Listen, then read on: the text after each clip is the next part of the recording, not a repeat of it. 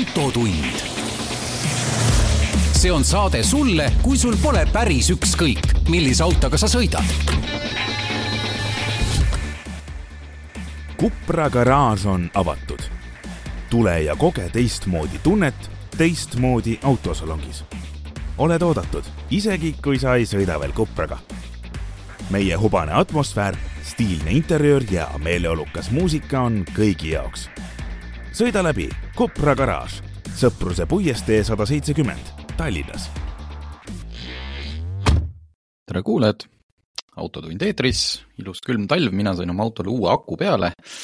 kõik on väga hästi, tagaklaas läheb ka nüüd soojaks, õigemini siis jää läheb ära. Äh, kummalisel kombel oli mul jälle kinni jäetanud aknapesuvedelik, kuigi ma panin eelmine nädal sinna peaaegu neli liitrit talvist sisse, aga põhjas oli ikkagi vist äh, mingine, mingi vana.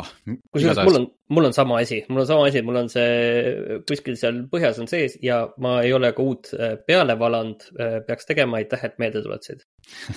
vaata, nii külm on tegelikult, et otseselt ei ole vaja ja linnas sõidad vähe, kus seda ka sellise ilmaga seda soppa lendab ja, ja, ja tegelikult ei ole nagu vaja läinudki see on maru hea, sest et äh, ma enne, kui ma sinna teenindusse läksin, mõtlesin, ma olen, kuna seal teeninduse kõrval on see Selve pesula, äh, mõtlesin, et ma olen viisakas inimene, et noh, mul olid tõesti need rattakoopad olid seda sodi täis ja auto üldiselt ka lumine, et ma lasen nagu ikkagi lumest puhtaks.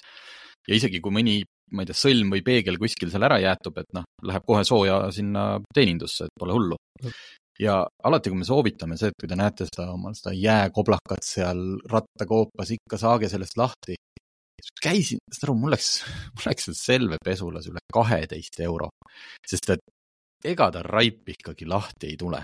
see, see jää, kui ta on sinna külmunud, siis sa selle survekaga, noh, sa ikka tükk aega, et lõi-, noh, põhimõtteliselt nagu lõikad seda jääd sealt läbi see ei ja ole. mina tegelikult et... lõikangi, mina, ma ütlen ausalt, mina lõikan, mul on väike saag, noh ja muidugi Aa, ma okay., selles mõttes, et väike käsisaag. Ja, ja ma sõna otseses mõttes lõikan selle suure tüki ära, no hästi hoolikalt on ju muidugi, et, et nüüd keresse või rehvi sellega ei sõidaks, on ju. Ja, ja ega see ei ole mingi asi, mida saaks uhkusega kõigile soovitada, aga lihtsalt ei, ega ei ole muud varianti, ega sa ei hakka seda seal haamriga välja peksma mm. -hmm. muidu sa lõhud seal, tõmbad need äh, plastosad kõik seal puruks tõmbab. aga lihtsalt noh, selle suurema tüki alt ja siis selle, mis selle kumera ratta ümber mm, -hmm. selle, selle mhm. tüki lihtsalt saed ära, et ega ei ole nagu midagi, midagi teha tegelikult, kui sul ei ole autot kuskile sooja viia ja teine jama on see, et kui sa seda seal selle survekaga lased, siis pritsib ju kõik seda so-, sopavett sulle vastu ja, ja see kõik on väga tüütu, aga ühesõnaga, auto ma puhtaks sain, äh, tehti veel esinduses, nad ütlesid, nad lasevad ise ka veel ikkagi noh, see, mis ma sealt selle viiesaja meetriga juba oli jälle koopasse lennanud, et, et nad tõstuki peal peaks mees töötama niimoodi, et mul seal vaadati vedrustust ka üle ja veermikku. noh, et, kogu aeg midagi pähe tilgub. ühesõnaga, kui ma sain auto teenindust kätte, nüüd on mul puhas auto ja see on püsinud puhtana terve nädal, sest et nii külm on, et ükski sooli asi ei ole siin seda teed ligaseks teinud ja issand, kui ilus on sõita puhta autoga. aga mitte see ei ole minu nädala meeldejäävam sündmus, alustasin positiivselt. ma olen nüüd nädal aega saanud inimestega vaielda ja oma peas äh, selline äh, keskealise vihase valge mehe jaur, äh, mida rohkem ma selle mõtlen, seda lollim see tundub, auto nimega Cybertruck mis on, ma olen vaadanud videosid, väga äge on, väga, väga äge kiirendus, äh, kogu tehnoloogia, kõik tundub kõik. ju väga äge, et mis asja sa jaurad?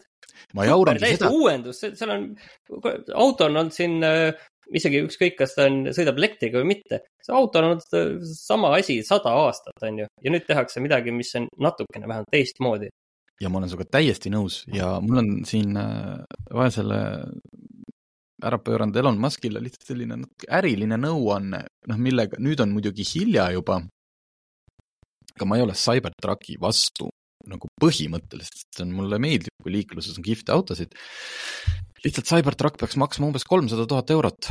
miks? et sellepärast, et, et selle auto näol ei ole tegemist mingi põhiõigusega, et me ei pea, ühesõnaga, see ei ole asi, et massid peavad saama et iga Plumber Joe või ma ei tea, mis Eesti versioon see mingi ehitusmees. torujüri. torujüri, et temal on õigus saada nagu ka Cybertrucki laadset asja, mis tähendab seda, et meil on nüüd siis kolm tonni kaaluv metallist kirst, mis kiirendab sajani kolme sekundiga. pooled nendest äh, tehnosektori inimestest ei oska sellise autoga sõitagi. Äh, ühesõnaga, et, et see ei ole põhiõigus ja see võikski olla eksklusiivne niisugune luksustoode, mida tänaval näha oleks sama põnev, noh, ma ei tea, Paganit või, või, või mingit Koenigseegi äh, et äh, sellisena on see Cybertruck väga kihvt kontse-, noh, väga kihvt auto. et äh, mis siis, maksab palju, et siis see, kes saab seda lubada, ostab selle omale, et aga nüüd, noh, õnneks need hinnad ei ole nii odavad, nagu kaks tuhat üheksateist lubati. Et ikkagi umbes kolmkümmend tuhat eurot kõik need versioonid kallimad kui, kui algselt plaanitud, et ta on ikkagi, noh, ütleme see kõige võimsam kolme mootoriga on siis põhimõtteliselt sada tuhat. noh, mis kahjuks siiski on väga paljudele Ameerikas kättesaadav. et äh, ma lihtsalt äh, ja siis kellegiga ma vaidlesin selle teemal, noh, et kes leidis, et ei, et see on ikkagi, noh, see on ikka väga hea tööauto, et see ikkagi veab haagist niimoodi jõudsalt ja noh, jah, see on, ühesõnaga minu jaoks on see Cybertruck ja, ja selle hind, see on nüüd umbes selline, see on see Ameerika värk, et noh, sul sul on inimõigus ja sul peab olema õigus ja võimalus kodus omada näiteks noh, mingit automaatrelvi. ma ei tea, Ameerikas erinevalt osariigist, seal on noh, sisuliselt ikka raske relvastus võib sul seal kodus äh, garaaži seina peal olla, sest äh, Ameerika ja, ja see on õigus. ja Cybertruck on nagu sellesama, ma ei tea ühtegi relvamarki, ma ei oska öelda. ma ütlen lihtsalt suure automaadi äh, autoversioon. ja ma arvan, et see on vale, et eh, seda autot ei ole kõigil vaja ja Elon Musk jättis lihtsalt tegelikult kaks asja oma selles lõputus edevuses ja uhkuses tegemata. esiteks Cybertrucki pealt, eriti arvestades, et tal on see tootmisega nii suured probleemid, eks ju, et nüüd, kui said esimesed omanikud kätte, noh, ma arvan, et siin lähema aasta jooksul need jäävadki ainukesteks või siis pudistatakse seal ühe-kahe auto kaupa. et oleks ära lahendanud tootmisprobleemid ja teiseks saanud mõnusat kasumit lihtsalt Äh, müües seda autot kolmesaja tuhande euroga.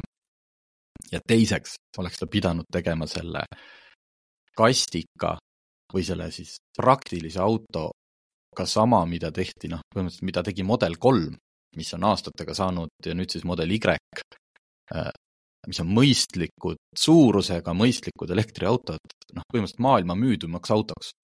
ja Musk oleks pidanud tegema kastikaga sellise.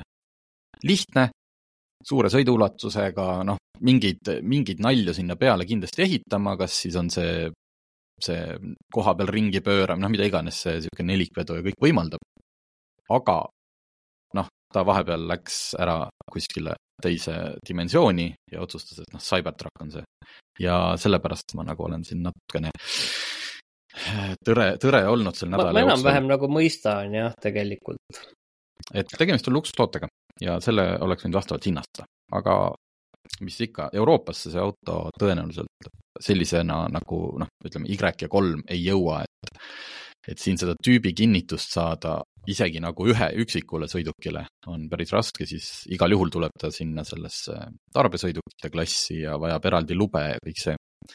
et ma tahaks väga Cybertruckiga sõita, ma tahaks väga Cybertrucki näha. aga ma tahaks, et see oleks sündmus, mitte iga päev. nii, mille üle sina jaurad või kiidad? ma lihtsalt äh, sattusin vaatama seda liikluskindlustusfondi äh, kahjude kaarti, et noh, teadupärast liikluskindlustuse fondi lkf.ee lehel lähed, vaatad, seal on äh, kaart, mis näitab, et kus kohas on toimunud äh, mm, õnnetused, mida siis mm -hmm. liikluskindlustus on kinni maksnud sisuliselt.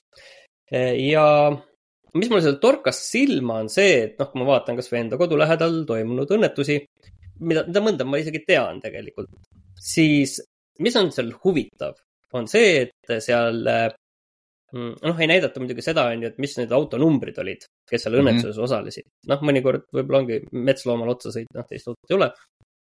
aga mis seal on huvitav, on see, et seal on välja toodud äh, kindlustusjuhtumi summa suurus noh, näiteks ma teen ühte juhust, siinsamas äh, sõideti laupa äh, kakskümmend üks tuhat, äh, üks hiluks läks mahakandmisele. ja, ja noh, on kirjas ka see, et täpselt, et niiviisi üldist, mis tüüpi õnnetus see oli. et oligi kaldumine mm, vastassuuna vööndis, otse kokkupõrge natuke bürokraatlikumalt, on ju, aga noh, on kirjas, et sisuliselt, mis juhtus ja kui palju see maksma läks. kui mina lähen ostma kasutatud autot, siis ilmselt samamoodi teevad ka nagu teised tuhanded inimesed Eestis, enne kui nad üldse midagi tegema hakkavad selle autoga, midagi uurima kuskil, midagi üldse tegema, kõigepealt nad käivad seal Maanteeameti lehel, äh, vaatavad siis äh, selle ajaloo läbi, äh, tehnoülevaatused, kuidas seal hakkama on saadud, kuskohast see auto pärit on, on ta Eestist, on ta mingist teisest riigist ja noh, kui tihti näiteks omanikke on vahetatud. ja järgmise asjana minnakse siis vaatama liikluskindlustusfondi lehele, kus sa saad autonumbri sisse trükkida ja vaadata äh, selle liikluskahjude ajalugu. see liikluskahjude ajalugu on väga üldine. seal öeldakse sulle, et äh, kahjujuhtum aastal kaks tuhat üheksateist, äh, neljateistkümnendal jaanuaril, mm, kahju suurus, äh, ma ei tea, sada kuni tuhat eurot ja, ja ongi kõik ah,, märgitud on veel see, et tegelikult, et kes õnnetuses süüdi oli. noh, tegelikult, et kes selle kahju korvas, kas selle auto, see autonumbri omanik kes, äh, keda sa uurid või keegi teine. see isegi tegelikult ei ole oluline, kes on süüdi. oluline on tegelikult see, et mis tüüpi õnnetusega tegemist oli, kas see oli väike mm, müks parklas äh, või oli see otsasõit põdrale, äh, täiesti erinevad asjad. ja kahju suurus võib ka olla täiesti erinev, et siin tegelikult võib see kaks tuhat pluss kulu võib tulla väikse kriimu pealt mõnel autol sisuliselt ja teisel võib see tulla kaks tuhat, et okei okay,, seal vahetati ikka korralikult juppe välja. ja, ja tegelikult see võib olla oluline teadmine. vot nüüd see asi, kuhu ma tahtsin jõuda, ongi see, et miks liikluskindlustusfond ei võiks ka nende autode juures näidata, et mis täpselt see eh, kahjunumber oli ja mis tüüpi õnnetusega oli, sest see oleks igale autoostjale tegelikult väga väärtuslik informatsioon. ühes andmebaasis seal kaardi peal seda näidatakse ilma autonumbrita. autonumbri juures seda ei näidata. ma saan aru, et autonumbri juures ei pea näitama seda, et kus kohas täpselt see õnnetus juhtus, et see juhtus äh, Tallinnas Liivalaia tänaval äh, maja number kuusteist ees. seda, see isegi ei ole oluline, oluline on õnnetuse tüüp. ja see natuke tekitab must segadust jah, ma vaatasin ka seda kaarti ja klõpsisin nendel, enamus olid mingid sellised, mis mulle jäid, ma tulin kohe Tallinna linna klõpsima, siuksed noh, kolmsada eurot ja viissada eurot, mis on ilmselt mingi märgi mahasõitmine. ma lihtsalt mõtlen, et kas seal võib olla, et, et seal sees on kogu selle, kogu selle õnnetuse kulu, noh, et ongi, et keegi sõitis veel kuskil märgi otsa ja piirde puruks, et see ei olegi nagu ainult auto, autoga seotud kulu, vaid kogu see, kogu selle õnnetuse eriti kui seal näiteks on, mõnikord on ju ka viiskümmend protsenti ja viiskümmend protsenti. et see on mingi üldsumma, mis oli selle juhtumi peale, keegi pidi kuskilt kinni maksma uh. Mhm. -huh. vot, nii äh,, autouudistest äh, tegelikult jah, oleks võinud selle kohe siis Cybertrucki juurde panna, aga et Eestis alustati niisugune huvitav case, et noh, tegelikult äh, Ford F sada viitekümmet äh, on saanud Eestis seda suurt siis Ameerika kastikat, äh, maailma ühte müüdumat autot, on saanud Eestist osta nii-öelda diilerite käest varemgi, aga nüüd tuli teada, et Eestis hakkas Fordi esindus ametlikult F sada viitekümmet müüma, mis on noh, kindlasti jaoks, paljude jaoks hea uudis, et ikkagi sul noh, saad nagu ikkagi mingi võib-olla, võib-olla garantii ja, ja kõik niisugune on nagu noh, lihtsalt. aga huvitav on see, et äh, ajastus, et noh, et kui kaua seda nüüd siin niimoodi siis ette valmistati, aga saadi vist enam-vähem õigel ajal jaole. et äh, ikka vana hea automaks, et sellistel autodel, okei okay, äh,, las, see aastamaks äh, on ka neil kõrge vist, enamikel tuli niisugustel suurtel ikkagi üle tuhande euro aga noh, see auto ise maksab ka alates üheksakümne kolmest tuhandest, kallimad versioonid seal on, äh, Raptor oli sada kakskümmend kaks tuhat, et noh, et ega see mingi tuhat või natuke peale eurot aastas tegelikult äh, sellise kastiku ostjat, ilmselt läheb see nagunii ettevõtte arvele, noh, pikali ei lükka, aga see registreerimismaks, et nüüd on Fordil ja kõigil F saja viiekümne huvilistel äh, aasta ruttu nagu võimalik omale need kõik ära osta, kes tahavad, et päris huvitav ajastus. aga jah, et sada viitekümmet saab siis nüüd Eestis osta. Seal, kui ma küsisin hinnakirja kohta, siis Fordi esindaja ütles, et sellel ei tule nagu sellist tüüpilist hinnakirja, nii et ma võtan nüüd selle mootori, siis ma tahan omale nagu sellist sisu, seda varustuspaketti, vaid sisuliselt müüaksegi nagu juba valmis laoautosid. Et het-, eile vaatasin, Fordi lehel oli seal seitse tükki oli neid väljas praegult, et lihtsalt lähed valid, et äh, ise, ise nagu komplekteerida ei saa. et äh, kastikaid ka Eestisse ja lihtsalt noh, seos selle Cybertruckiga ongi see, et äh, mis mul jäi sinna lõppu ütlema, et, et noh, et Musk oleks pidanud seda F saja viiekümne omanikke, kes on valmis elektri peale minema, niimoodi jahtima. Aga F saja viiekümne omanik on Ameerikas ikkagi päris konservatiivne tüüp. et ka neid, seda saab ju, noh, F sada viitekümmet saab äh,, elektrilis on küll, Lightning on selle nimi, et noh, ega nüüd seda ka seal maha ei joosta, ütleme esindusi, et kõik tahaks seda endale. Äh, Musk lihtsalt oleks saanud võib-olla samasuguse auto teha, aga odavama. Äh, kuidagi ta seda teha oskab. aga ei teinud. nii äh,. rääkides siis uutest autodest, siis tegime uutest ja kasutatud, tegime kokkuvõtte küll novembri lõpu seisuga, sest äh, noh, ilmselt detsembris mõned veel lisanduvad, aga et mida huvitavat ja põnevat see aasta Eesti registrisse on lisandunud ja seda siis nii uute kui kasutatud autode arvestuses. et see, võtsime Transpordiametilt, küsisime selle nimekirja välja, et see aasta lisandunud autod. et äh, valisime kakskümmend viis tükki välja. Ja siin on, siin on kõike, et äh, ma ütlen, majandus ja kõik õigeks, aga kasutades populaarset väljendit liigirikkus, siis Eesti autopargi liigirikkus läheb iga aastaga aina paremaks ja kogu aeg lisandub, et, et meil Tõnu Korral hea, hea kaasautor tegi seda ja ütles, noh, et ikka jube raske, milliseid siis valida, et selle oleks võinud teha ka viiskümmend või sada põnevat autot. et ta pani siia, noh näiteks on siin üks Ford Sierra, mis näeb pildi peal, noh muidugi see on suvaline pilt internetist, mitte konkreetsest autost, aga tavaline Ford pagasnikuga, üheksakümne esimese aasta oma, aga tegemist on Ford Sierra Cosworth neli korda neljaga, mis on tänaseks ikkagi juba päris kallis auto. me räägime seal ikkagi kümnetest tuhandetest eurodest. Või siis hoopis Suzuki Cappuccino, pisike väike kabriolett, võimsust nelikümmend seitse kilovatti. Äh, Dodge Vipereid äh, lisandus vähemalt kaks tükki, meie leidsime sealt. Äh, siin kuuekümne viienda aasta Porsche,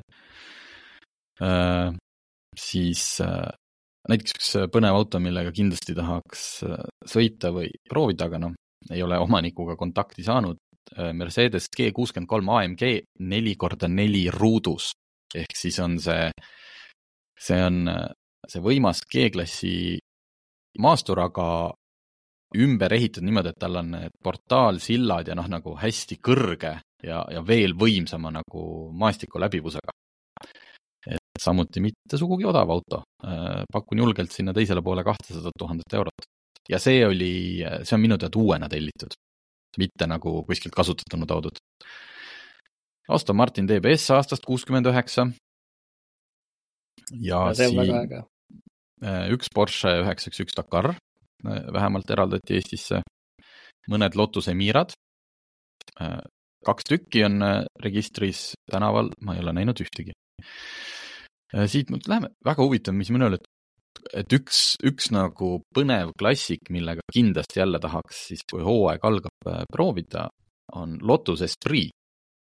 Äh, siin äh, Tõnu on välja valinud selle küll niisuguse esimese põlvkonna õudselt kandilise kaheksakümmend kuus aasta mudeli.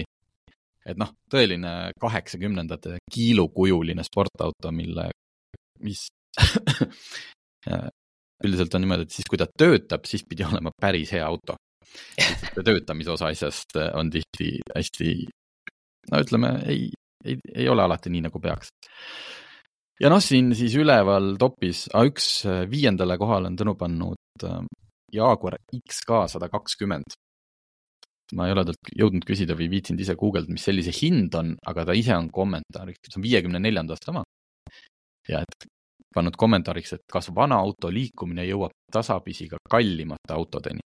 Tundub küll, ühesõnaga see näeb, noh, ühesõnaga XK sada kakskümmend on päris legendaarne väike sportlik äh, lahtine auto.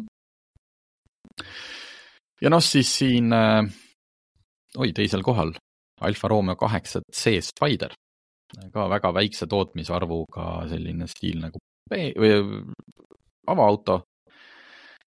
ja esimesel kohal äh, me oleme seda kajastanud varem ka Autogeeniuses ja Eestis äh, jõudis siis Ferrari kaheksa üks kaks Competizione erimudel äh, uuena, kaks tuhat kakskümmend kolm aastal siis arvele võetud. see, see on kuussada seitse kilot, ühesõnaga täiesti hull auto, äh, väga palju saanud kiita ka välismaalt, noh, ühesõnaga see V kaksteist mootor, mis kräunub kuni üheksa tuhande viiesaja pöördeni, noh, täielik hullumeelsus.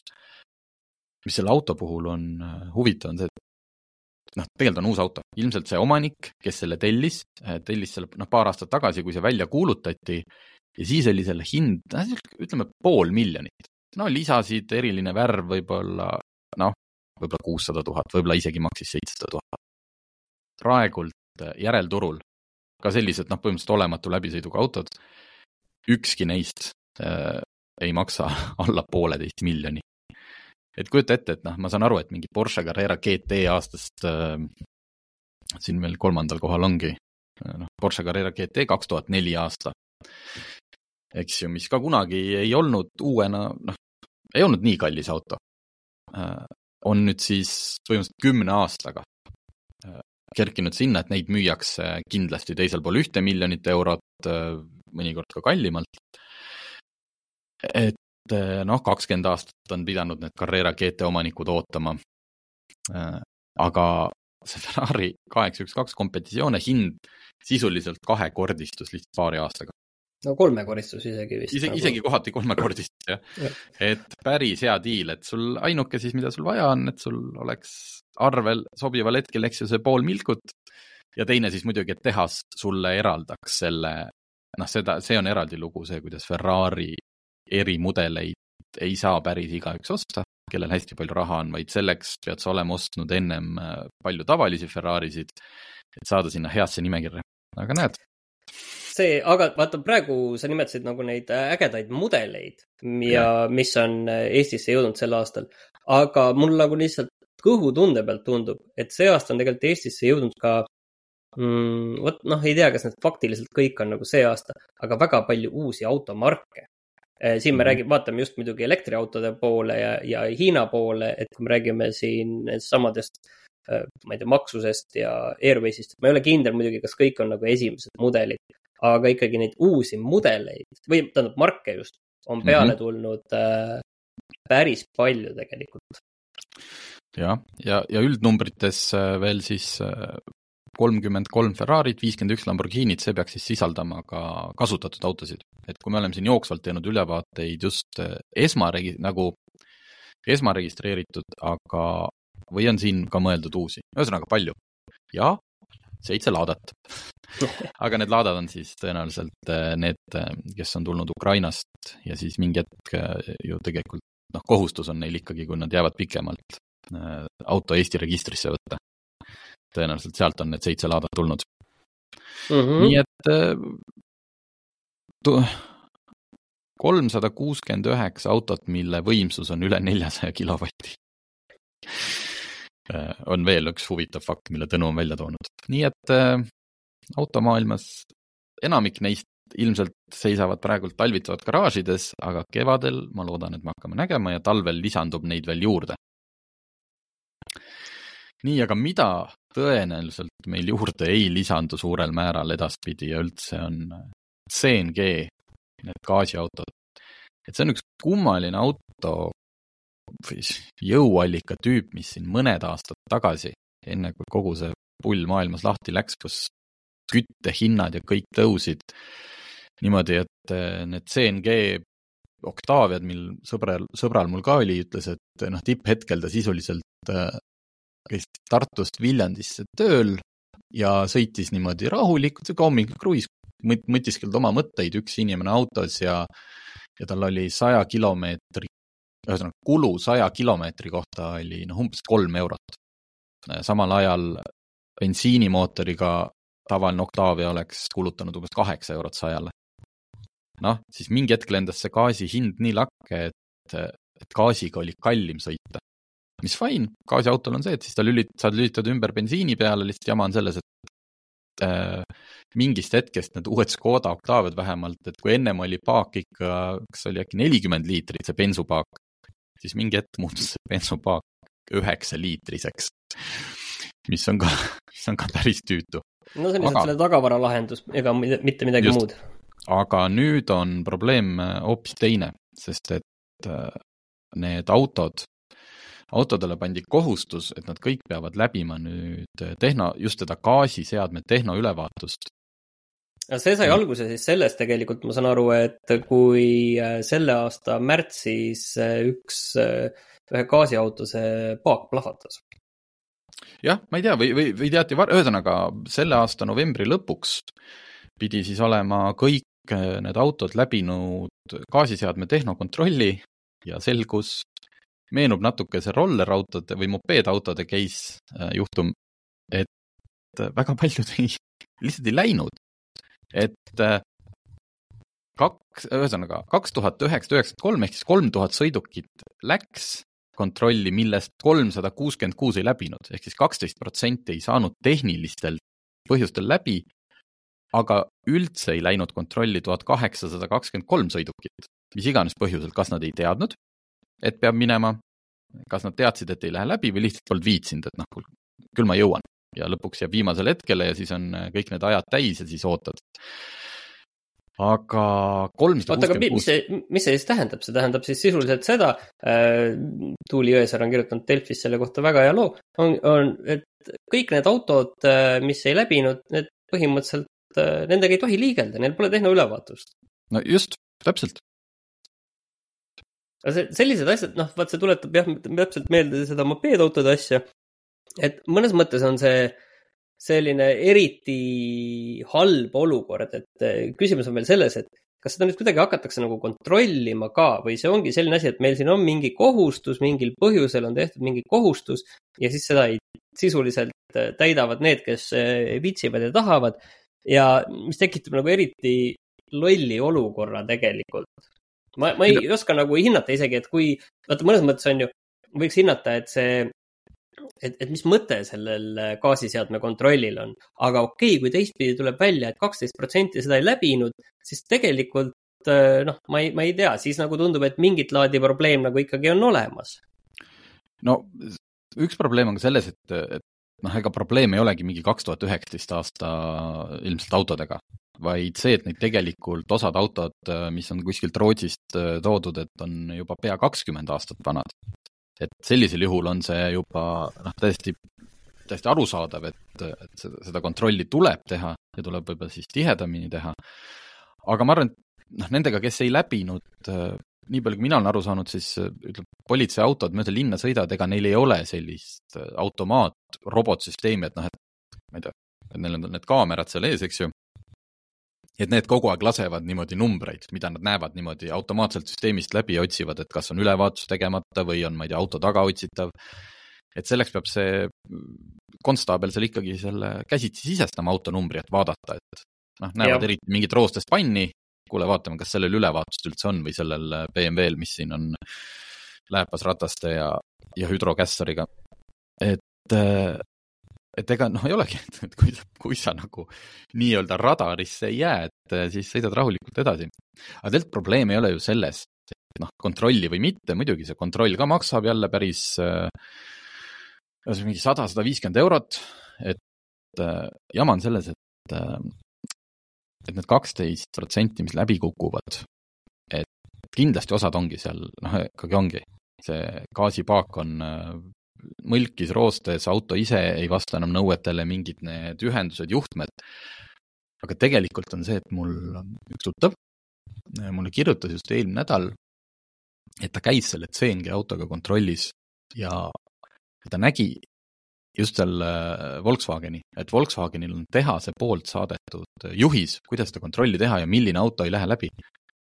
ja, ja see pidi nii karm olema, et ta nägi seal hunnikus balloone, mis ei ole läinud kontrollist läbi ja tema visuaalsel vaates, noh, et siin on, ongi kas korrosioon või täkked või midagi, aga et see on nii karm kontroll, mis tähendab seda, et kui sulle öeldakse, et sorry, et su paak on siin, värv on kulunud ja siin on mingi roostekirme peal, siis äh, äh, see paagi vahetus on päris mitu tuhat eurot. et äh, nagu ma ei oska öelda, ma ei tea, kui pakk see paak on, ma ei tea, kas Volkswagen lihtsalt kardab ja kõik need teised tootjad nii väga seda, et või siis see tehnokontrolli teostaja. Volkswagen Grupp mingi... on üks põhiline CNG autode tootja siin olnud et kui mingi pauk käibki, et noh, siis pärast jõutakse ringiga nendeni, kuulge, et aga miks kuidas see paak siit ülevaatust läbi läks? aga probleem on. Volkswagen kindlasti tahab enda neid äh, riske seal maandada, kindlasti. ja, ja ka paake müüa kindlasti seda ka, jah. aga lihtsalt, et kui see praegult ongi, et noh, et kes, kes jätkuvalt CNG autoga sõidavad ja nüüd on sunnitud seda kontrolli läbima ja saavad selles mõttes selle halva kogemuse, et nad näevad, kuidas neil auto alt kruvitakse ära täiesti okei okay, paak. noh, sinule visuaalsel vaatlusel, eks ju. ja öeldakse, et nüüd siia tuleb see uus panna, et siis noh, eales ta ei lähe ju seda järgmist TNG autot ostma, nii et asi, mis tundus nagu kolm-neli aastat tagasi jumala hea idee, alternatiiv, eriti kui sa sõidad näiteks biometaaniga, mis on ju nii-öelda selle CO2 mõttes nagu eriti, kuidas ma ütlen, loodussäästlik ja öko, siis nüüd on selle auto noh, kasutamine, gaasi hind on küll alla tulnud, jät-, nüüd on ta jälle mitte küll nii odav nagu vanasti, aga odavam kui bensiiniga sõita. odavam kui diisliga.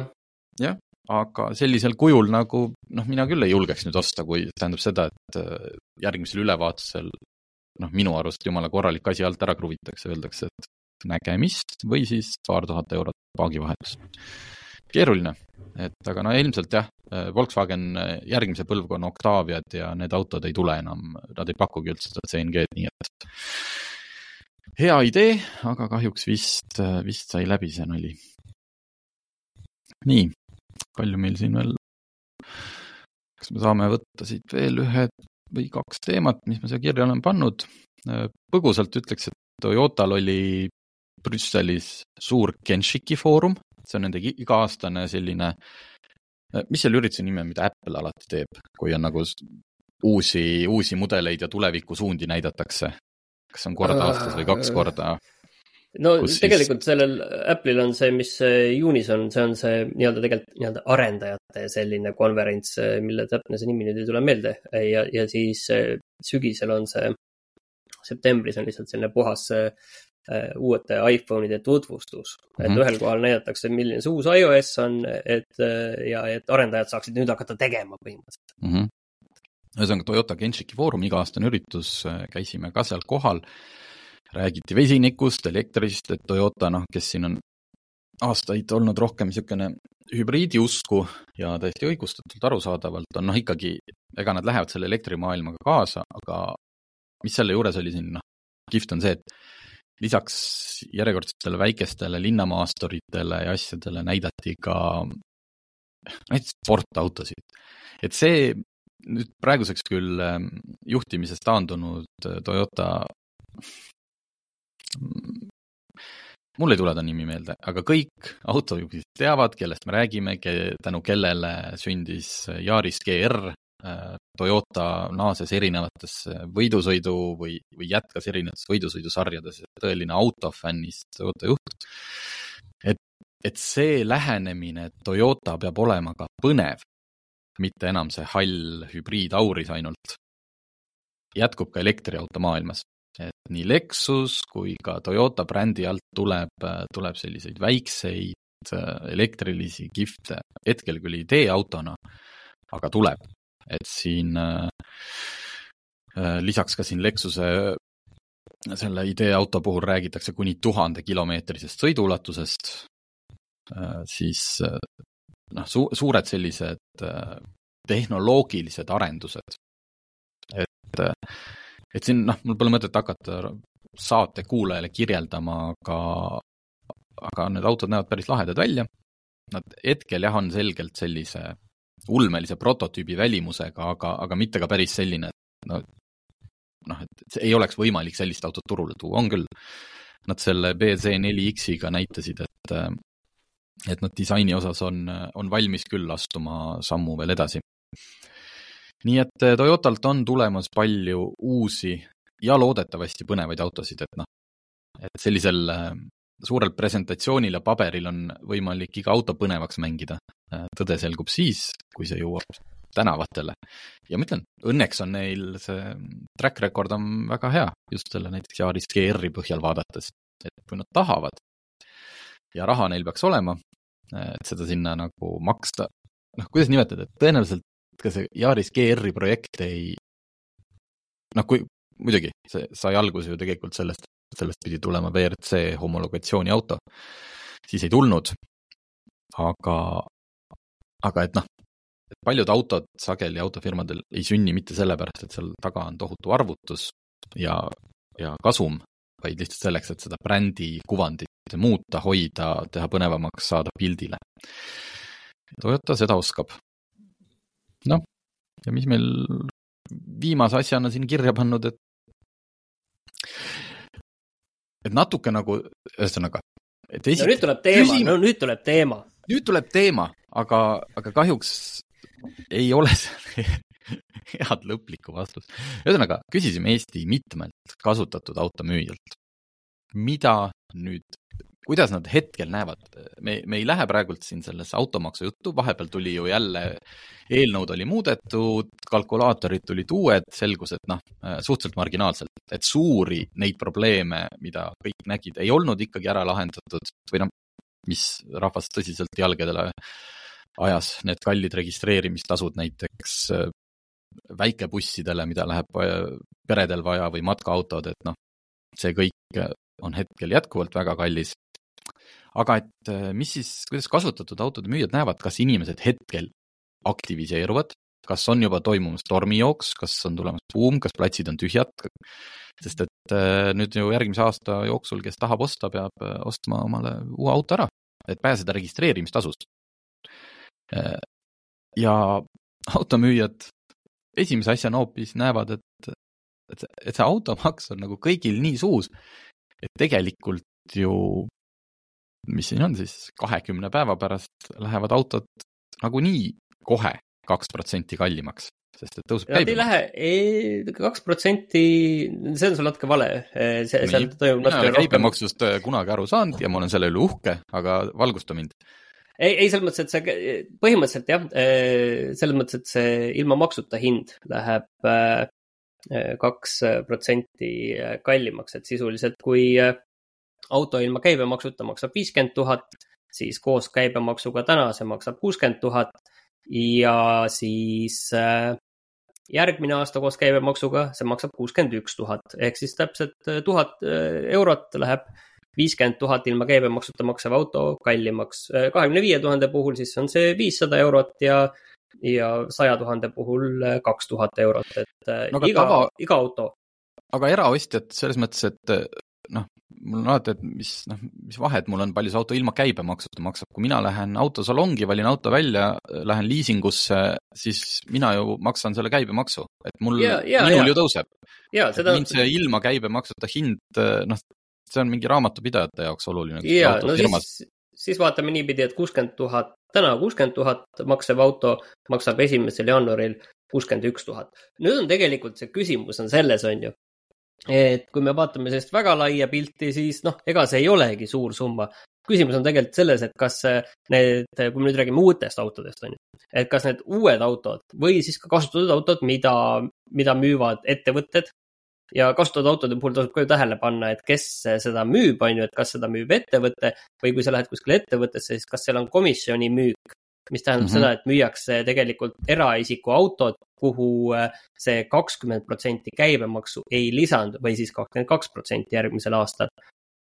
et noh, seda niikuinii tasub, on ju, vaadata, aga siis on jah niiviisi, et äh, küsimus on ju selles, et kas need kas see hind tõuseb tegelikult rohkem, kas see on võimal-, võimalus nüüd, et oi oh jaa, inimesed teavad, et mingi maks tõuseb, käibemaks tõuseb, asjad lähevad kallimaks. et nüüd on see küsimus jah, et kas see kuuskümmend tuhat äh, maksev auto täna, mille lõpphind on kuuskümmend tuhat, et kas järgmine aasta läheb tuhat eurot kallimaks või läheb ta kolm või neli tuhat eurot kallimaks mm? -hmm et äh, siis selle kasutatud autode äh,, noh, selle automaksu osas nad ütlesid, et noh, et, et üldiselt hetkel nagu, hetkel ei ole sellist äh,, et juba nagu inimesed käiks, et tegelikult äh, noh, see suur tõus, et äh, nad arvavad, et aastamaksust me ei pääse, selle iga inimene on vaikides juba endale nagu, et ühesõnaga aastamaksu puhul ei ole vahet, kas ostad selle auto see aasta või järgmine aasta või ülejärgmine. et see tuleb nagunii ja noh, nii on. just see registreerimismaks ja, ja tõenäoliselt mingi, mingi osturalli järgmine aasta äh, aset leiab.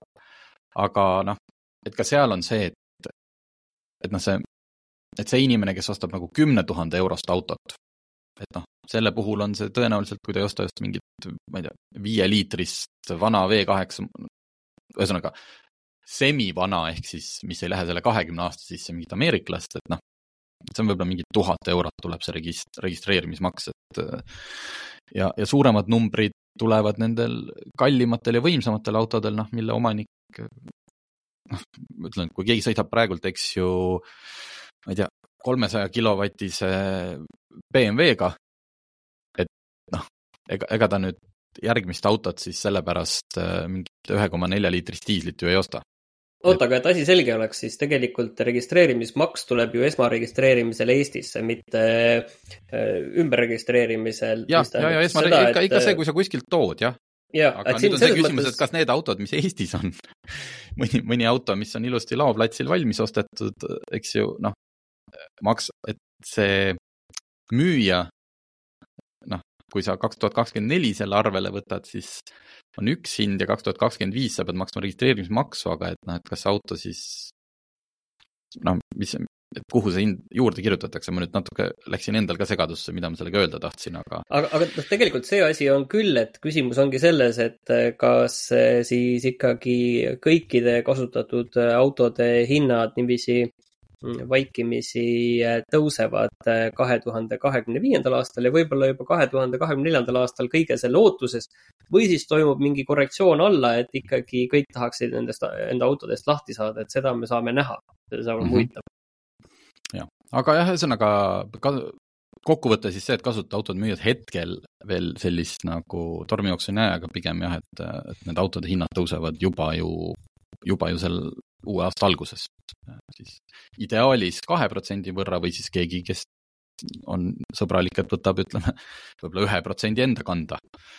et, aga ma saan aru, et sa oled teinud, aga ma saan aru, et sa oled teinud tänuväärset tööd ja nüüd siin detsembri alguse seisuga Eestis äh, müüdavate autode hindu hoolega kirja pannud, et äh, näha, kas, äh, et kuidas need hinnad tõusevad siis, kas nad tõusevad siis käibemaksu jagu järgmisel aastal või Äh, tuleb sinna mingeid muid korrektsioone, see on muidugi alati on hästi keeruline, et need autod ja varustus ja mida täpselt müüakse ja et oleks väga täpne see, et millega võrrelda.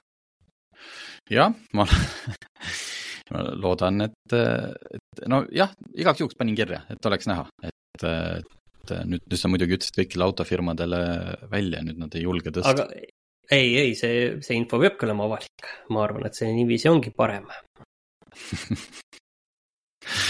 et okei okay., aga ma arvan, et selline sai tänane eh, praktiline ja kasulik saade ja ilusat talvist nädalavahetust, minge suusatama. Kupra garaaž on avatud. tule ja koge teistmoodi tunnet teistmoodi autosalongis. oled oodatud, isegi kui sa ei sõida veel Kupraga. meie hubane atmosfäär, stiilne interjöör ja meeleolukas muusika on kõigi jaoks. sõida läbi Kupra garaaž Sõpruse puiestee sada seitsekümmend Tallinnas